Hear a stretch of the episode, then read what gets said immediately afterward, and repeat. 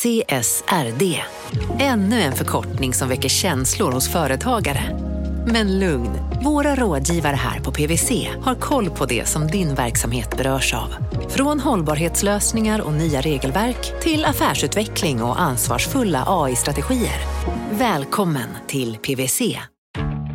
Nu är det stor vårfest på K-bygg med massor av varor till kanonpriser. Eller vad sägs om Bäckers Elite Träolja för bara 229 kronor? Ytterdörr Modern för bara 5 995 eller 25% rabatt på förvaring och skjutdörrar från Elfa.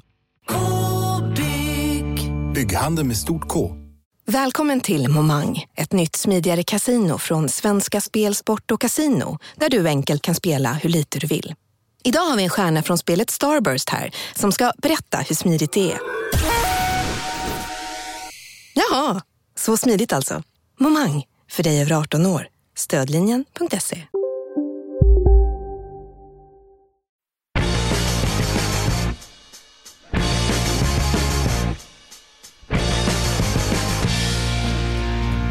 Afrikanskt land gör bitcoin till legal tender.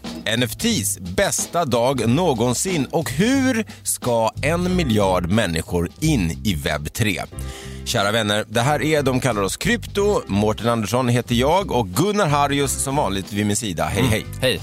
Eh, Jag, jag skulle börja med Gunnar med att säga att jag är lite ledsen här. Ja, Ja, jag fyllde ju då 48 år igår. grattis i efterskott. Tack så hemskt mycket. Och jag hade önskat mig att bitcoin skulle gå till 48 000 dollar. Mm. Tyckte jag var lite passande. Just det. Men eh, jag vet inte om jag har på något sätt eh, sluddrat eller ut, eh, alltså, det blev ju 38 000 Ah, dollar. men det, du tar den eller? Ja, ja, jag ber, ber alla så hemskt om ursäkt om jag har eh, önskat eh, fel då. Men, Ja, eh, eller så är det blev liksom vi som har fått, fått liksom din önskelista missförstått på något sätt Ja. och liksom tryckt ner kursen ytterligare. Jag vet inte vad det är. Eh, Men det är skakigt känns det som. Jag känner mig inte tr- trygg i, i, riktigt i, just för tillfället. I, alltså man har inte förlorat någonting förrän man har sålt. Så är det. Eh, och eh, eh, allting kan väl hända men det känns inte riktigt som att momentum är där det ska vara. Hur som helst, eh, momentum i podden har vi om vi inte pratar om kurser för bitcoin och company. Eh, det är eh, ännu ett starkt avsnitt tror jag vi har framför oss. Absolut. Vi, vi kommer ju prata en del om eh, investeringar, kanske inte av, liksom, i specifika kryptovalutor utan mer om eh, spännande bolag och kanske... eh, Ja, lite, investeringar i webb 3 kan man väl säga i stort. det får man nog verkligen säga. Och liksom så, breda penseln, vad är det, vad kan det bli? Eh, ja, men, eh, en diskussion. Ja, för det kan ju vara så mycket. Det kan ju vara allt från liksom decentralized finance, som är kanske det ord vi säger allra mest i den här podden, efter Mm. NFTs, som också skulle kunna eh, vara en del i vad det investeras i, utöver då naturligtvis eh, gaming som play to earn och alla möjligheter inom det och eh, alla olika möjliga startups. Vi har en fantastisk gäst eh, som kommer berätta massor om det där i dagens avsnitt. Mm. Fick du någon kryptovaluta i födelsedagspresent? Det fick jag inte. Du vet Och- att jag fick det när jag fyllde år. Eh, Vad fick du? Eh, Jag fick 500 spänn som jag skulle investera enligt någon slags eh, liksom, procentsats som mina Gå kompisar in på den här, onecoin.com. Alltså det var, det var typ OneCoin. Alltså det var ju typ Shiba Inu och sånt där som de ville att jag skulle Mm. eh, köpa. Så att, eh, nu, nu äger jag då 500 kronors worth av det. Okej, grattis. Så där har den investeringen Ja, det låter, men då var nog mina, mina saker jag fick ha något eh, hå- högre andrahandsvärde. Eh, men det var väldigt kul att, att träffa alla vänner, det var länge sedan. Med det sagt tycker jag att vi drar igång veckans avsnitt. Ja.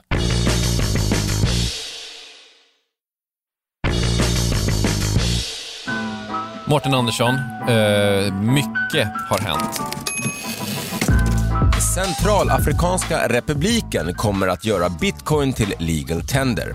Efter att det förra veckan cirkulerat obekräftade uppgifter om att 5 miljoners landet skulle anta kryptovalutan som officiellt betalmedel bekräftade landets president Faustin Archange Touadera att en ny lag har skrivits på. After El Salvador, the Central African Republic has become the second nation in the world and the first in Africa to adopt Bitcoin as legal goaltender. Ännu finns det väldigt lite information om exakt vad lagen kommer att innebära.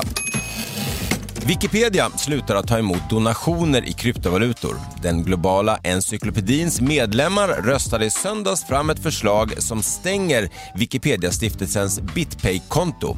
Totalt röstade 70% av stiftelsens medlemmar för förslaget som kallade kryptovalutor extremt riskfyllda och rovgiriga. Wikipedia har tagit emot donationer i kryptovalutor sedan 2014 men sajten har inte haft några betydande intäkter i krypto. Ryktet om NFTers död tycks vara något överdrivet. I helgen gjorde nämligen OpenSea sin bästa dag någonsin med försäljningar till ett värde av 476 miljoner dollar. Bakom rekorddagen låg Bored Ape Yacht Clubs nya Metaverse-släpp där spekulanter köpte virtuellt land i Yacht Clubs nya spel Other Deed. Demokraterna har tidigare presenterat en uppmaning om att noggrannare se till att kryptomining efterlever amerikansk miljölagstiftning. Nu har Michael Saylor, Jack Dorsey och andra ledande kryptopersoner skrivit ett eget brev till amerikanska miljöskyddsmyndigheten där de vill förtydliga vad de upplever är oklarheter och felaktigheter. Dorseys och Sailors brev handlar bland annat om att de vill särskilja utsläppen från energi och utsläppen från bitcoin. Authors of the letter claim that crypto mines, well, they're no different than data centers from the likes of Amazon, Google, or Microsoft. Instead, they say the focus should be on power plants. Till sist, minns ni Teenage Mutant Ninja Turtles? Gör det Gunnar? Ja. Ja. Ett projekt som sa sig ha då köpt loss rättigheterna till att göra Turtles NFTs har nu stängt ner. Projektet nådde över 100 000 följare på Twitter efter att ha hävdat att de ägde upphovsrätten till att göra egna NFTer. Kritiker varnade i mars för att projektet kunde vara en så kallad rug pull och i lördags meddelade grundarna till projektet att de av misstag hade köpt fake IP rights, alltså falska upphovsrätter. Grundarna meddelade, kanske lite väl optimistiskt, att de hoppades att kunna fortsätta driva projektet tillsammans med Paramount som äger rättigheterna.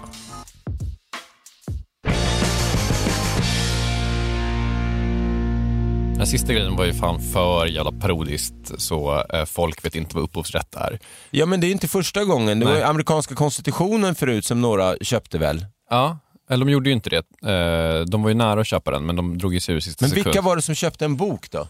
Ja, det var ju Dune. Ja, var det så det var? ja, det var ju liksom bo, en bok eh, som... En DAO som skulle köpa en bok. Ja, de köpte en bok till Ja, det var så det var. Ja, en DAO som köpte en bok eh, som innehöll bilder från en inspelning, vet, filmen Dune som går nu på bio. Mm. Den sattes upp en gång eh, tidigare, gjordes en gång tidigare på 70-talet eller någonting och så försökte den göra en gång eh, till på 90-talet eller någonting, som, någon galning som heter Jodorowsky. Mm. Det var så här helt sinnessjukt projekt med typ David Bowie och Mick Jagger och eh, Salvador Dalí och alltså, Mm. alltså så här. Och det var en bok som innehöll typ bilder från den inspelningen. Men var det inte bara att de köpte själva boken? Jo. Och så trodde de att när de hade köpt boken så fick de också rättigheterna. Exakt, och det här var väl lite, eller det här var väl inte riktigt samma sak, utan här tror jag bara var så, typ, eh, vad jag kunde tyda, typ fanns ganska gott uppsåt, att typ så här, de trodde att de hade köpt rättigheterna till att få göra Turtles NFTs. Det hade de inte. Det var, någon, det var någon jävel som hade blåst dem bara typ. Och sen så bara kom Man Paramount. börjar allt mer känna att det här är en guldgruva för bedragare. Ja, verkligen. Alltså, eh, är man bra på bedrägerier så finns det ju en del att hämta i. Men alltså jag läste den Twitter-tråden på slutet som var typ så här, ja nu har Paramount hört av sig till oss och var, är så här, mm, vi, ni äger inte det här. Nej. Och, och tr- tråden var typ så här, så nu hoppas vi kunna jobba vidare med Paramount. Man bara, troligt. Ja, ho, ho, ho, ni hoppas på. Ja, hoppas på. Eh, ja, nej, det låter ju inte helt, eh, helt bra. Du, Centralafrikanska republiken. Ja, Eh, vad säger vi om det? alltså, jag tänkte med den här nyheten, liksom, vi pratade om det att vi skulle ha med den förra veckan. Eh, men då, för då liksom började det cirkulera att de hade godkänt här. Men alltså, det var så jävla shady källor på det. Eh, så vi beslutade oss för att inte ha med det. Men nu tycker jag ändå att det verkar vara typ att folk verkar överens om att jo, det här har hänt. Jag förstår inte hur, hur folk kan vara oense om det, men, men mm, liten, liten brasklapp vill jag lägga in ändå. Ja, och eh, jag vet inte vad man ska säga. Det känns ju som att det är en tydlig trend ändå att privata investerare börjar lämna skeppet. Men det, institutionerna fortsätter att flockas och även då ytterligare ett land eh, som backar bitcoin och de stora, de som hela tiden köper, till exempel MicroStrategy med Michael Saylor i spetsen, fortsätter ju bara köpa. Najib Ja. Bukele fortsätter köpa och så vidare. Så att, eh, det känns som att det är ett skifte att vissa har luften gått ur lite grann medan andra känner att eh, man tror fortfarande på det här. Är det bara att man har ett långsiktigare perspektiv kanske? Jag vet inte. Men för du skickade ju någonting till mig med, kring det här med retail. Vad var det för någonting? Nej men det är att det aldrig har varit, eh, det historiskt då eh, vad det gäller bitcoin, att det aldrig varit så stort tapp mellan det man har köpt eh, sin bitcoin för och det man nu väljer att sälja den för av kanske då panik kring inflation och krig och annat som händer i, i, i världen och skenande räntor. Så att, eh, så med andra sätt, du har köpt den på 52 och du nu säljer den på 38. Så det, det gapet har aldrig varit högre när man eh, kollar statistik då. Folk torskar mer än någonsin. Ja. Ja, fattar. Hur, eh, hur resonerar du kring de här grejerna? Jag har ju varit långsiktig hela tiden men jag, jag, jag kollar allt mer sällan kurserna. Okej, Ska vi eh, ta in veckans gäst? ja. Han är investeringsansvarig på Northzone, det europeiska riskkapitalbolaget som investerat i blockchain sedan 2016. Själv fokuserar han primärt på webb3, DeFi och fintech. Vi säger varmt välkommen till studion, William Giltoft. Tack ska ni ha. Tack ska ni ha. Hur är läget? Ja, men det är bra. Det är, ehm, vi har mycket att göra som, som vanligt, men, eh, men det är bra. Ni, ni har en portfölj då naturligtvis redan, men ni, ni, ni sitter inte bara med den och förvaltar i det, utan ni letar konstant också nytt då? Ja, exakt. Så, så sättet det funkar är att vi sätter upp en ny fond och sen så investerar vi i nya bolag under ett antal år. Så ungefär 30 bolag på, på tre år ungefär. Och sen så har vi äldre fonder som vi förvaltar bolagen i. Men vi tar ju aldrig liksom en majoritetspost i bolag. Vi äger 10-20% av bolagen. En av oss är med i styrelsen, så vi är med och förvaltar dem. Väldigt långsiktigt, 10-12, kanske ibland 15 år. Och om man liksom aldrig har hört talas om er eller liksom hört ordet Northzone, liksom, vilka är ni, hur stora är ni, vad håller ni på med? Alltså, nu, nu fick man ju lite så hisspitch, ni går in i massa olika bolag, men vad, vad betyder det mer, mer specifikt? Nej, men absolut. Vi kan dyka hur djupt som helst. Men eh, Northzone är ett riskkapitalbolag. Vi investerar i early stage tech startups. Vi har funnits i 25-26 år. Startade i Norden, men huvudkontoret är nu i London. Vi investerar ur en 500 miljoner dollars fond. Vi lägger väl mest krut på 8-20 miljoner dollar ungefär. Så att ditt jobb är att liksom sitta och kolla på olika bolag, tänka, är det här spännande? Kommer man kunna tjäna pengar på det här? Och sen så eh, öser du lite ur den här 500 miljoner dollars fonden och, eh, för, för att hjälpa bolagen. Är det, är det en för stor förenkling? Ja, men kanske. Det, det, vi lägger ner otroligt mycket jobb Jo, på, såklart. på de bolagen. ja, ja. Men, men liksom högst upp, vi kanske kollar på 4, 5, 6 tusen bolag, bolag per år. Och sen så trattar vi ner det, så gör vi kanske bara en investering i månaden ungefär. Mm. Kanske 8 till 12 investeringar per år. Så att liksom de, de Ett på bolag... 500 bolag då? Ja, men typ. Ja.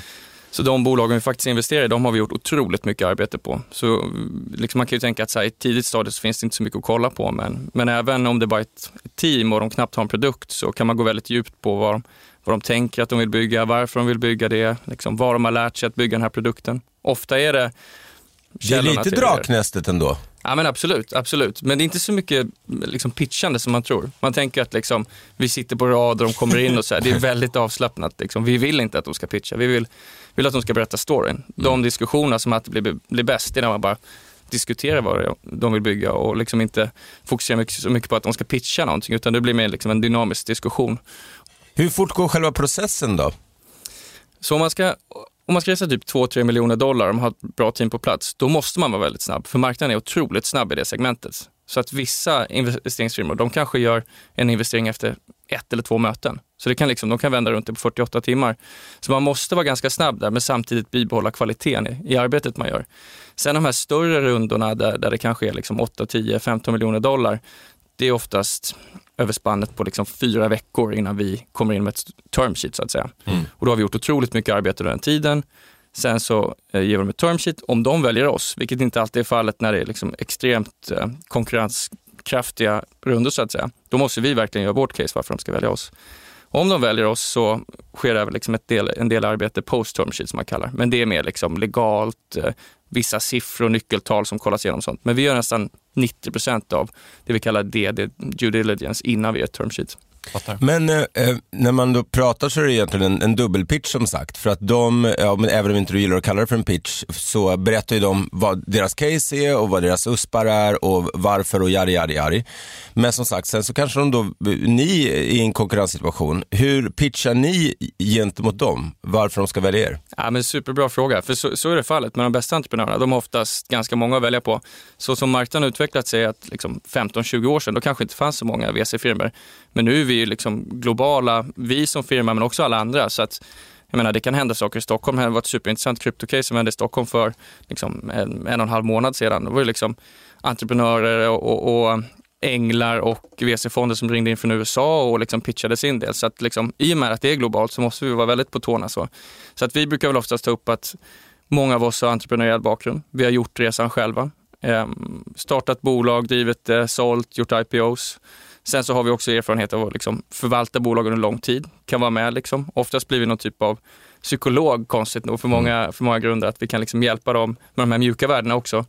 Men sen någonting vi fokuserar väldigt mycket på det är att ha ett talangteam internt på Northson. Så vi har flera personer som endast jobbar med att hitta talang till våra bolag. Mm. Så att de kan hjälpa till och plocka in dem från Revolut när de ska göra sin nya grej så kanske man kan plocka in dem i ett av våra bolag som är väldigt lovande. Men okej, om man kollar på den här 500 eh, miljoner dollars eh, fonden då, liksom. Eh, nu kanske det är flera fonder, det vet jag inte. Men, men hur mycket är blockchain och liksom DeFi och hela den svängen och hur mycket jobbar du med det? Mm.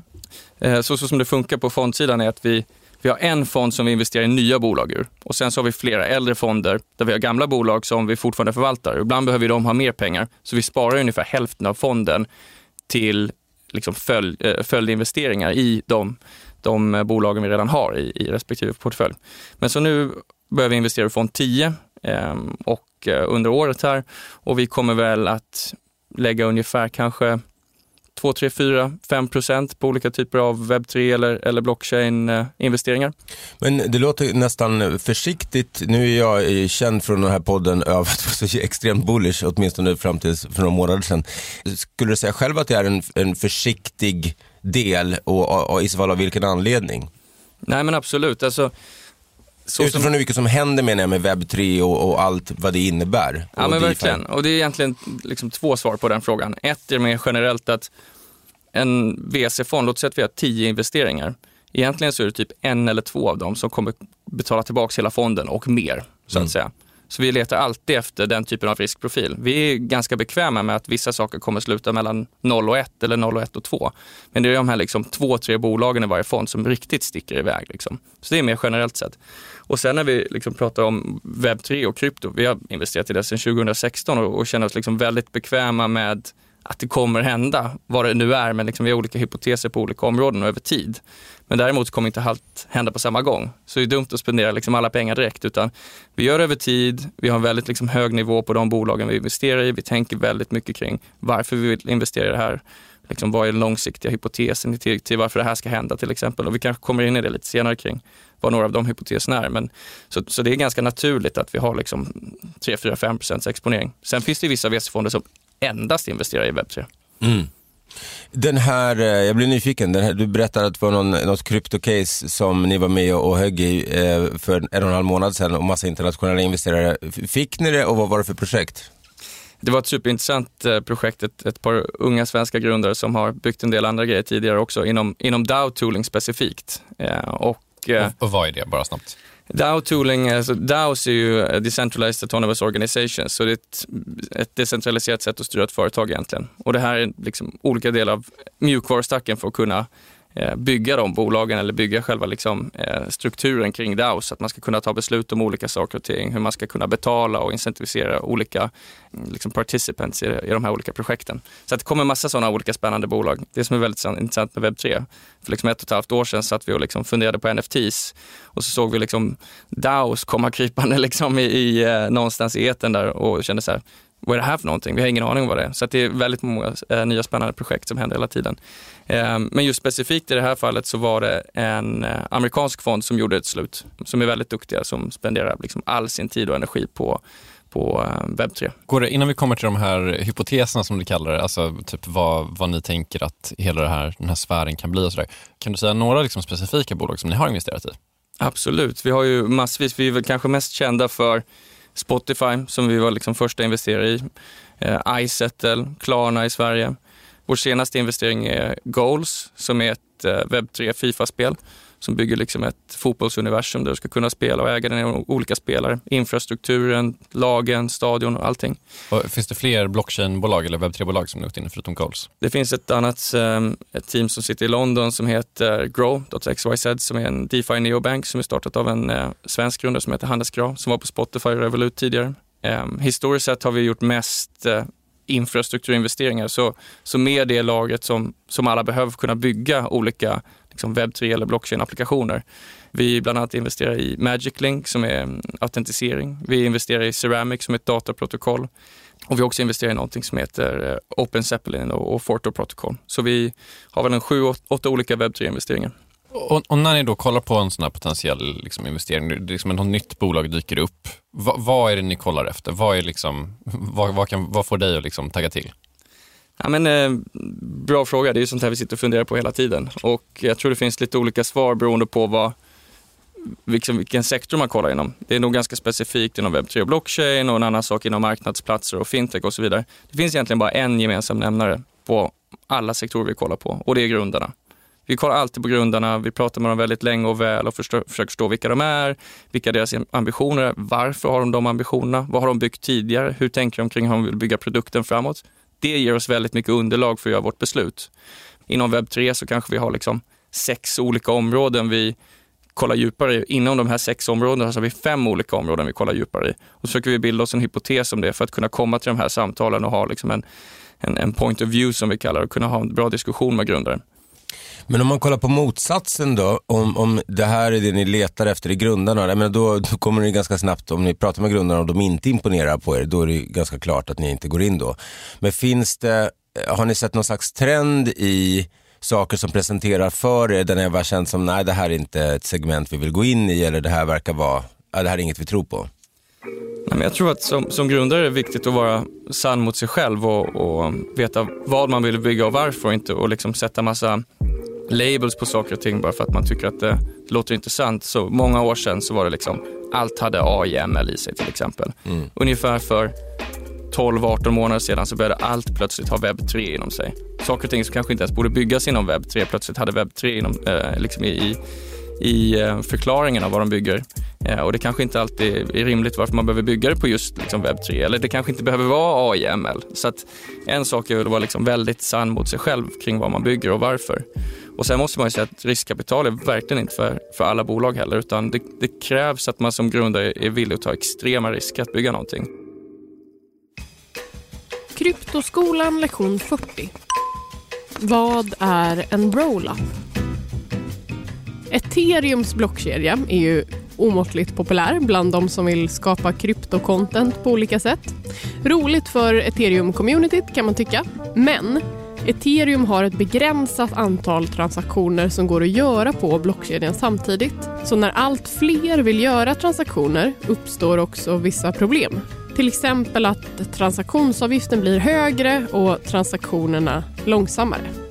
En lösning på det här kallas för roll-ups. Det finns lite olika varianter av roll-ups men rent konkret så är en roll-up ett smart kontrakt som tar emot ett gäng transaktioner och genomför dem utanför blockkedjan. Sen packar man ihop dem till en enda transaktion som då genomförs på Ethereums blockkedja. Man kan tänka på det lite som att du ska skicka vanliga brev på posten. Säg att du vill skicka fem brev till fem eh, släktingar som bor i samma hus. Istället för att då ta fem olika kuvert och sätta fem olika frimärken och låta brevbäraren dela ut breven fem gånger så kan du lägga alla fem breven i ett kuvert. Så behöver du bara skicka ett brev men dina släktingar får ändå varsitt. Så roll-ups gör helt enkelt att man kan minska antalet transaktioner på blockkedjan utan att faktiskt minska antalet transaktioner på blockkedjan.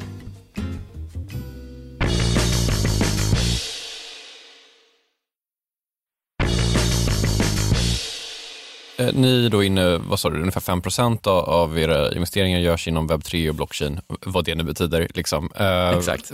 Jag gissar att det inte bara är liksom en sån riskspridning utan att ni också ser att så här, här händer det någonting, det här kan faktiskt bli någonting. Vad, vad är det liksom, breda penseln, vad tänker ni typ att webb 3 skulle kunna bli?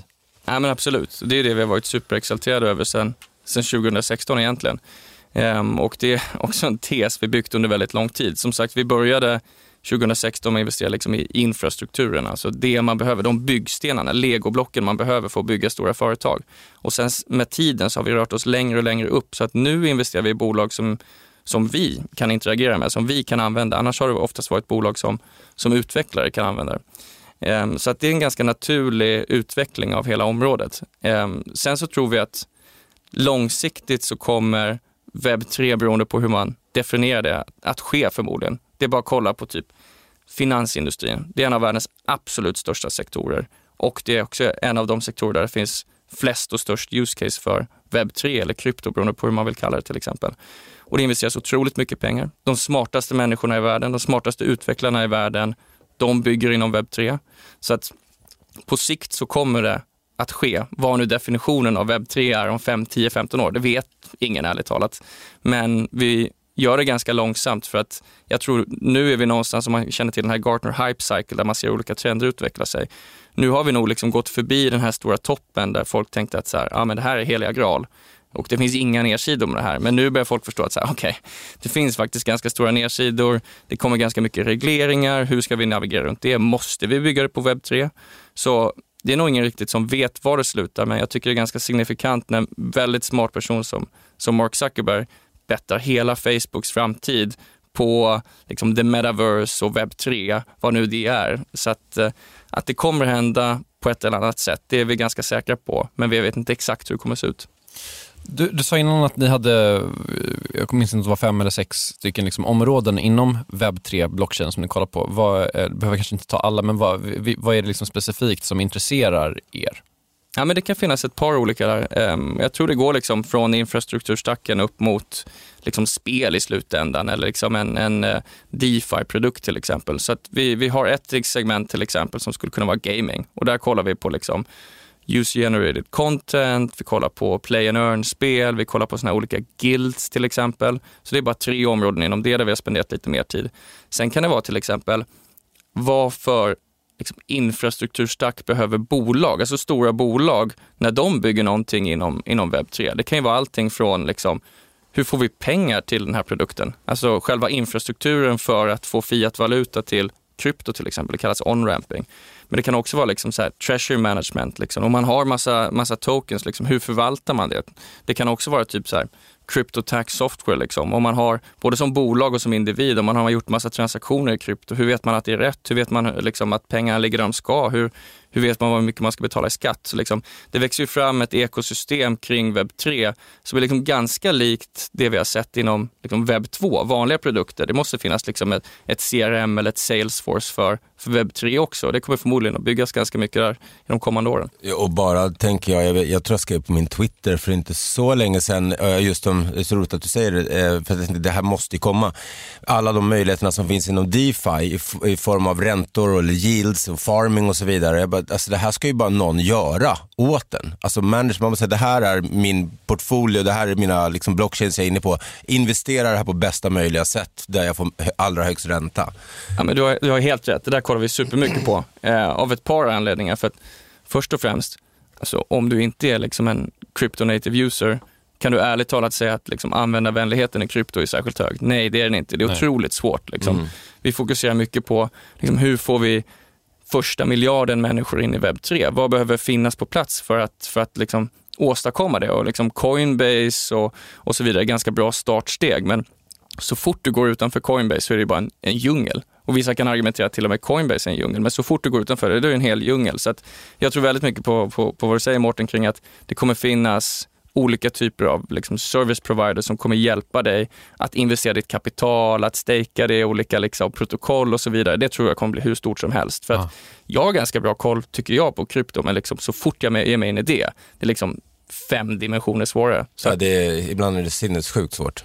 Men tycker du att man underskattar den, för det kan jag uppleva att man underskattar lite grann den så aspekten av hela, typ så, vad det innebär att bygga upp en ny sektor överhuvudtaget. Alltså man känner ganska mycket. En att, ny finansiell sektor menar du? Ja, alltså, ja finansiell Eller sektor hela Web3. delvis. Ja, hela, precis. Hela grejen. Liksom, att typ så, man känner så himla mycket att det här kommer från programmerare. För att det är så typ, personer som är vana vid mycket typ eh, data-hustle och att så här, det man vill ha ju är ju bara lös det. De är Alltså, vana vid datorer men inte med folk. Ja men lite så typ. Alltså, jag kan känna att det där är typ lite, att lösde faktorn är typ lite underskattad när man dealar med krypto generellt. Det här är sjukt intressant. Jag tror att för att svara på det här så måste man gå tillbaka lite grann i tiden. Men om man tänker på liksom vad, vad webb 3 är kopplat till vad webb 2 och webb 1 var. Liksom, webb 1 var bara att man kunde läsa liksom, på internet. Webb 2 var att man kunde liksom, skriva och läsa. Liksom. Och webb 3 att man kan liksom, skriva, läsa och äga i princip.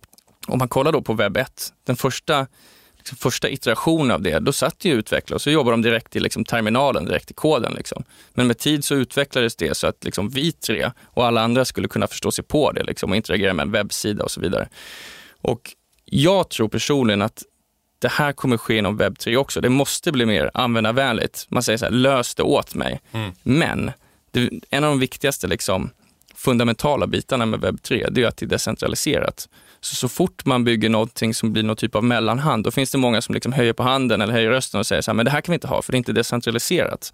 Och jag tror att det kommer, eh, det är väldigt intressant att försöka förstå sig på vart det här kommer sluta någonstans. För att Vissa säger att webb 3 kommer vara absolut decentraliserat i framtiden. Liksom, det kommer inte finnas några liksom, mellanhänder och så vidare. Och jag vet inte om det betyder att liksom, själva användarvänligheten kommer vara låg.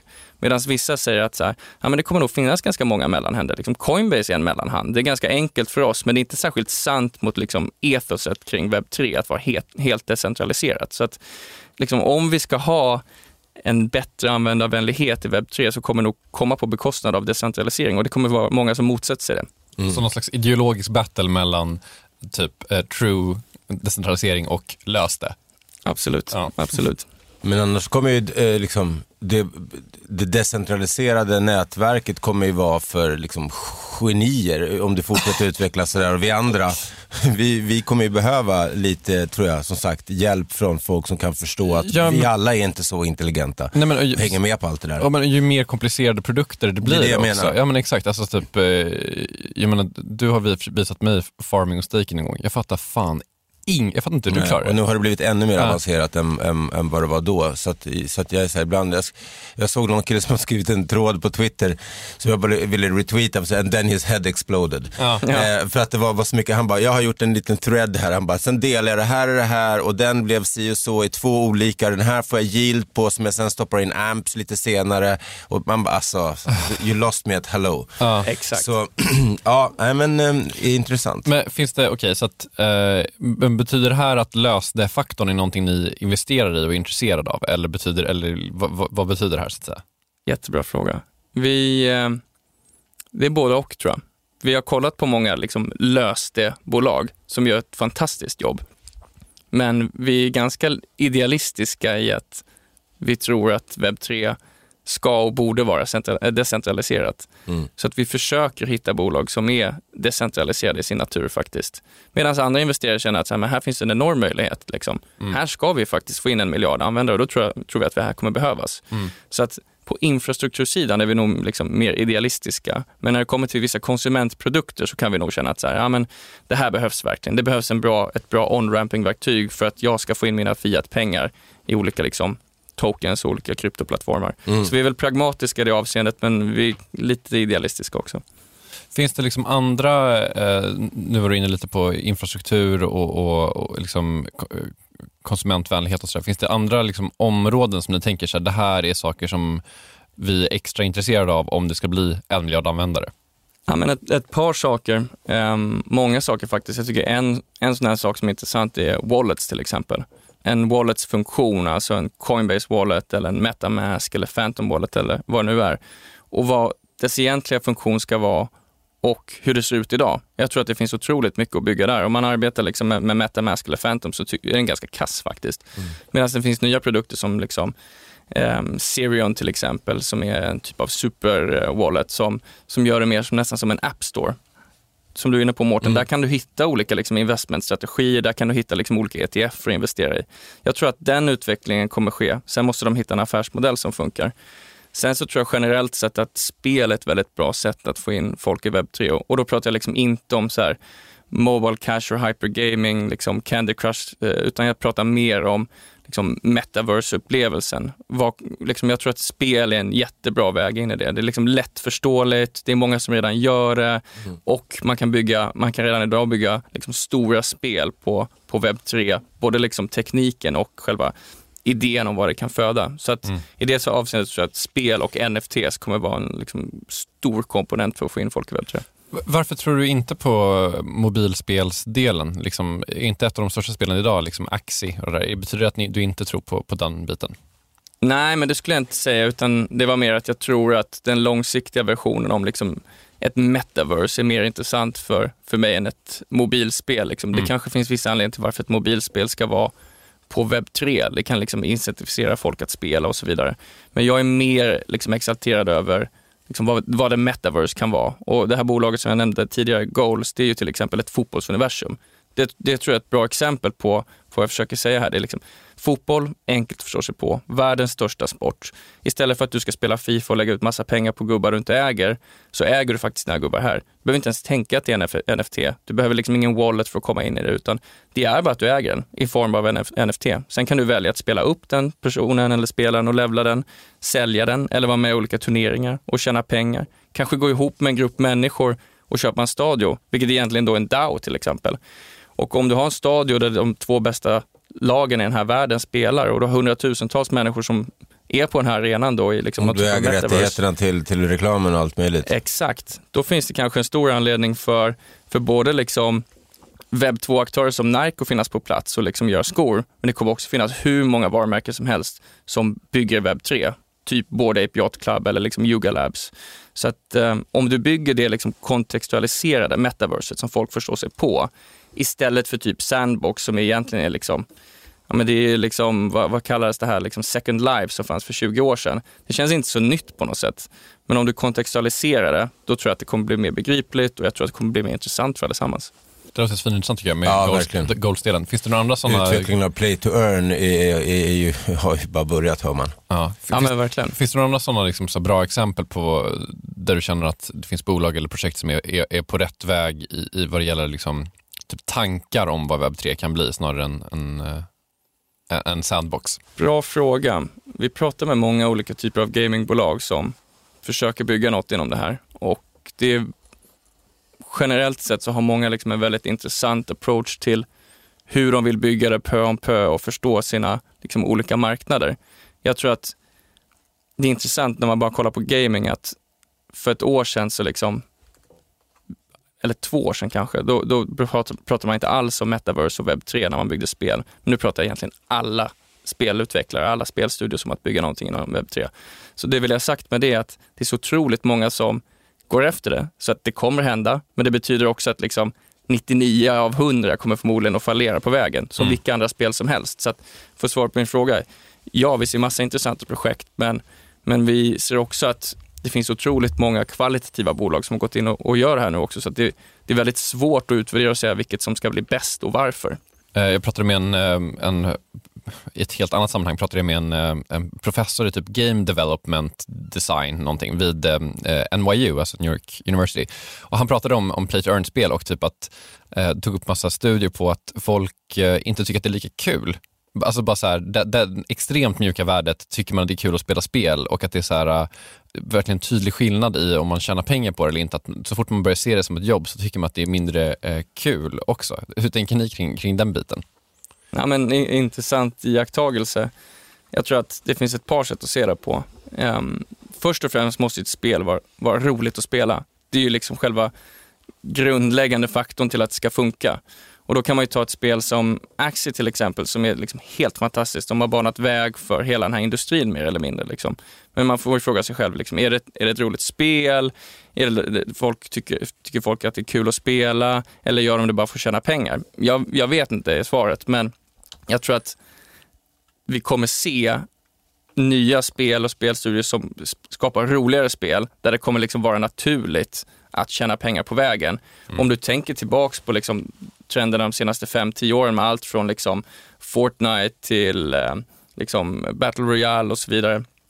Det, det finns ju en stark trend i att liksom köpa olika skins och äga dem själv till exempel.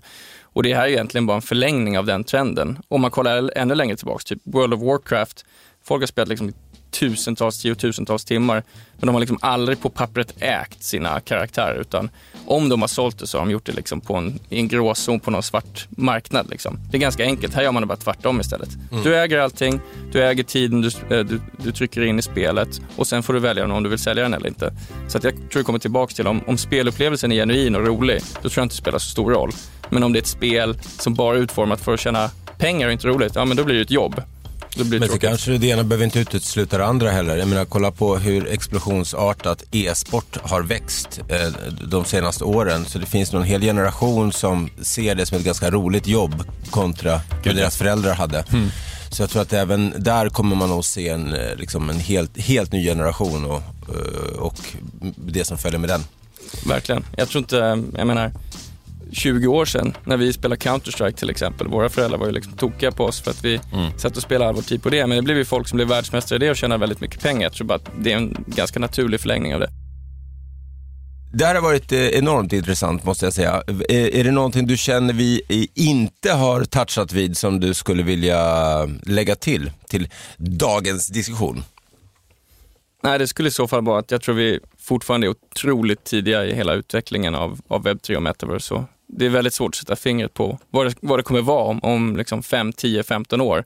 Annat än att det kommer finnas där. Och, och liksom det är vad vi lägger stor del av vår tid på, att försöka förstå hur, hur världen kommer se ut om, om många år. Och eh, som sagt, jag tror bara vi är väldigt tidigt på det här fortfarande. Sett till hur mycket pengar som strömmar in, sett till hur mycket talang som jobbar med det här. Så att, eh, det är ett otroligt intressant område. Men om man nu sitter och lyssnar på det här avsnittet och eh, hör dig och tänker shit vilken briljant eh, ung man. Eh, han vill jag ge mina pengar för han verkar ha koll på läget. Vad gör man då? Nej, men det kan man tyvärr inte. Men, men eh, som tur var så investerar vissa pensionsfonder i oss till exempel, så man kanske har ett eh, indirekt eh, sparande i, i, oss. Eh, men om man är intresserad av eh, och, och lära sig mer så finns det ju massa bra källor på nätet. Eh, det finns massa bra folk på Twitter. Jag finns också på Twitter eh, och flera i mitt team. Så att, eh, följ några bra personer och, och lär lite mer och sen så kanske man kan liksom testa lite på Avanza och Coinbase som man tycker är intressant. Mm. Jag lägger ditt swishnummer också i avsnittsbeskrivningen Ja, om man vill bara göra en liten sån under bordet investering. Det är KK-fond. Exakt. Vad, eh, vad roligt det här var och spännande och intressant på alla sätt. Eh, eh, Grymt. William Giltoft, tack så hemskt mycket för att du kom hit och representerade riskkapitalbolaget Northzone. Tack för att jag fick komma, superkul. Ja, men eh, tack så mycket då eh, alla som har lyssnat. Det där var dagens avsnitt av De kallar oss krypto med dig, Med mig Gunnar Harrius, med dig Mårten Andersson. Ja. Eh, nästa vecka vet jag inte vad som händer. men 48-åringen. 48-åring. Låter, Ja. v- Vilka brott faller in nu under... Oj, oj, oj. Ja. Det var ju ganska var inte 48-åringen så här, för, något slags år som, en benämning på någon som, var det under Palme? Jag vet inte, det känns som det är alltid de här åringarna och att man så här, beroende på hur gammal man är så är man misstänkt för olika brott. Ja. Typ så. Så När jag fyller Jag är 35 misstänkt för benbrott och eh, ja, ryggskott typ. Eh, det är så gammal jag har blivit. Just det. Du, jag hoppas att ni eh, har haft eh, lika trevligt som vi idag och att vi hörs igen då nästa torsdag. Mm. Tills dess kan man följa oss på Twitter, där heter vi DK Krypto, eller på Instagram, där heter vi De kallar oss krypto. Samma sak på Facebook, där heter vi också De kallar oss krypto. Få en underbar vecka Mårten. Detsamma Gunnar. Vi hörs, ta hand om er, hej! Hej då! Bekräftade landets president Faustin Archange Touadera. Nej, fan vad nära! Tuadera. Eh, Faustin Archange Touadera. Nej, Tuadera. Touadera. Archange. Archange låter skitbra. Okej. Tuadera. Okej. President Faustin Archange Touadera.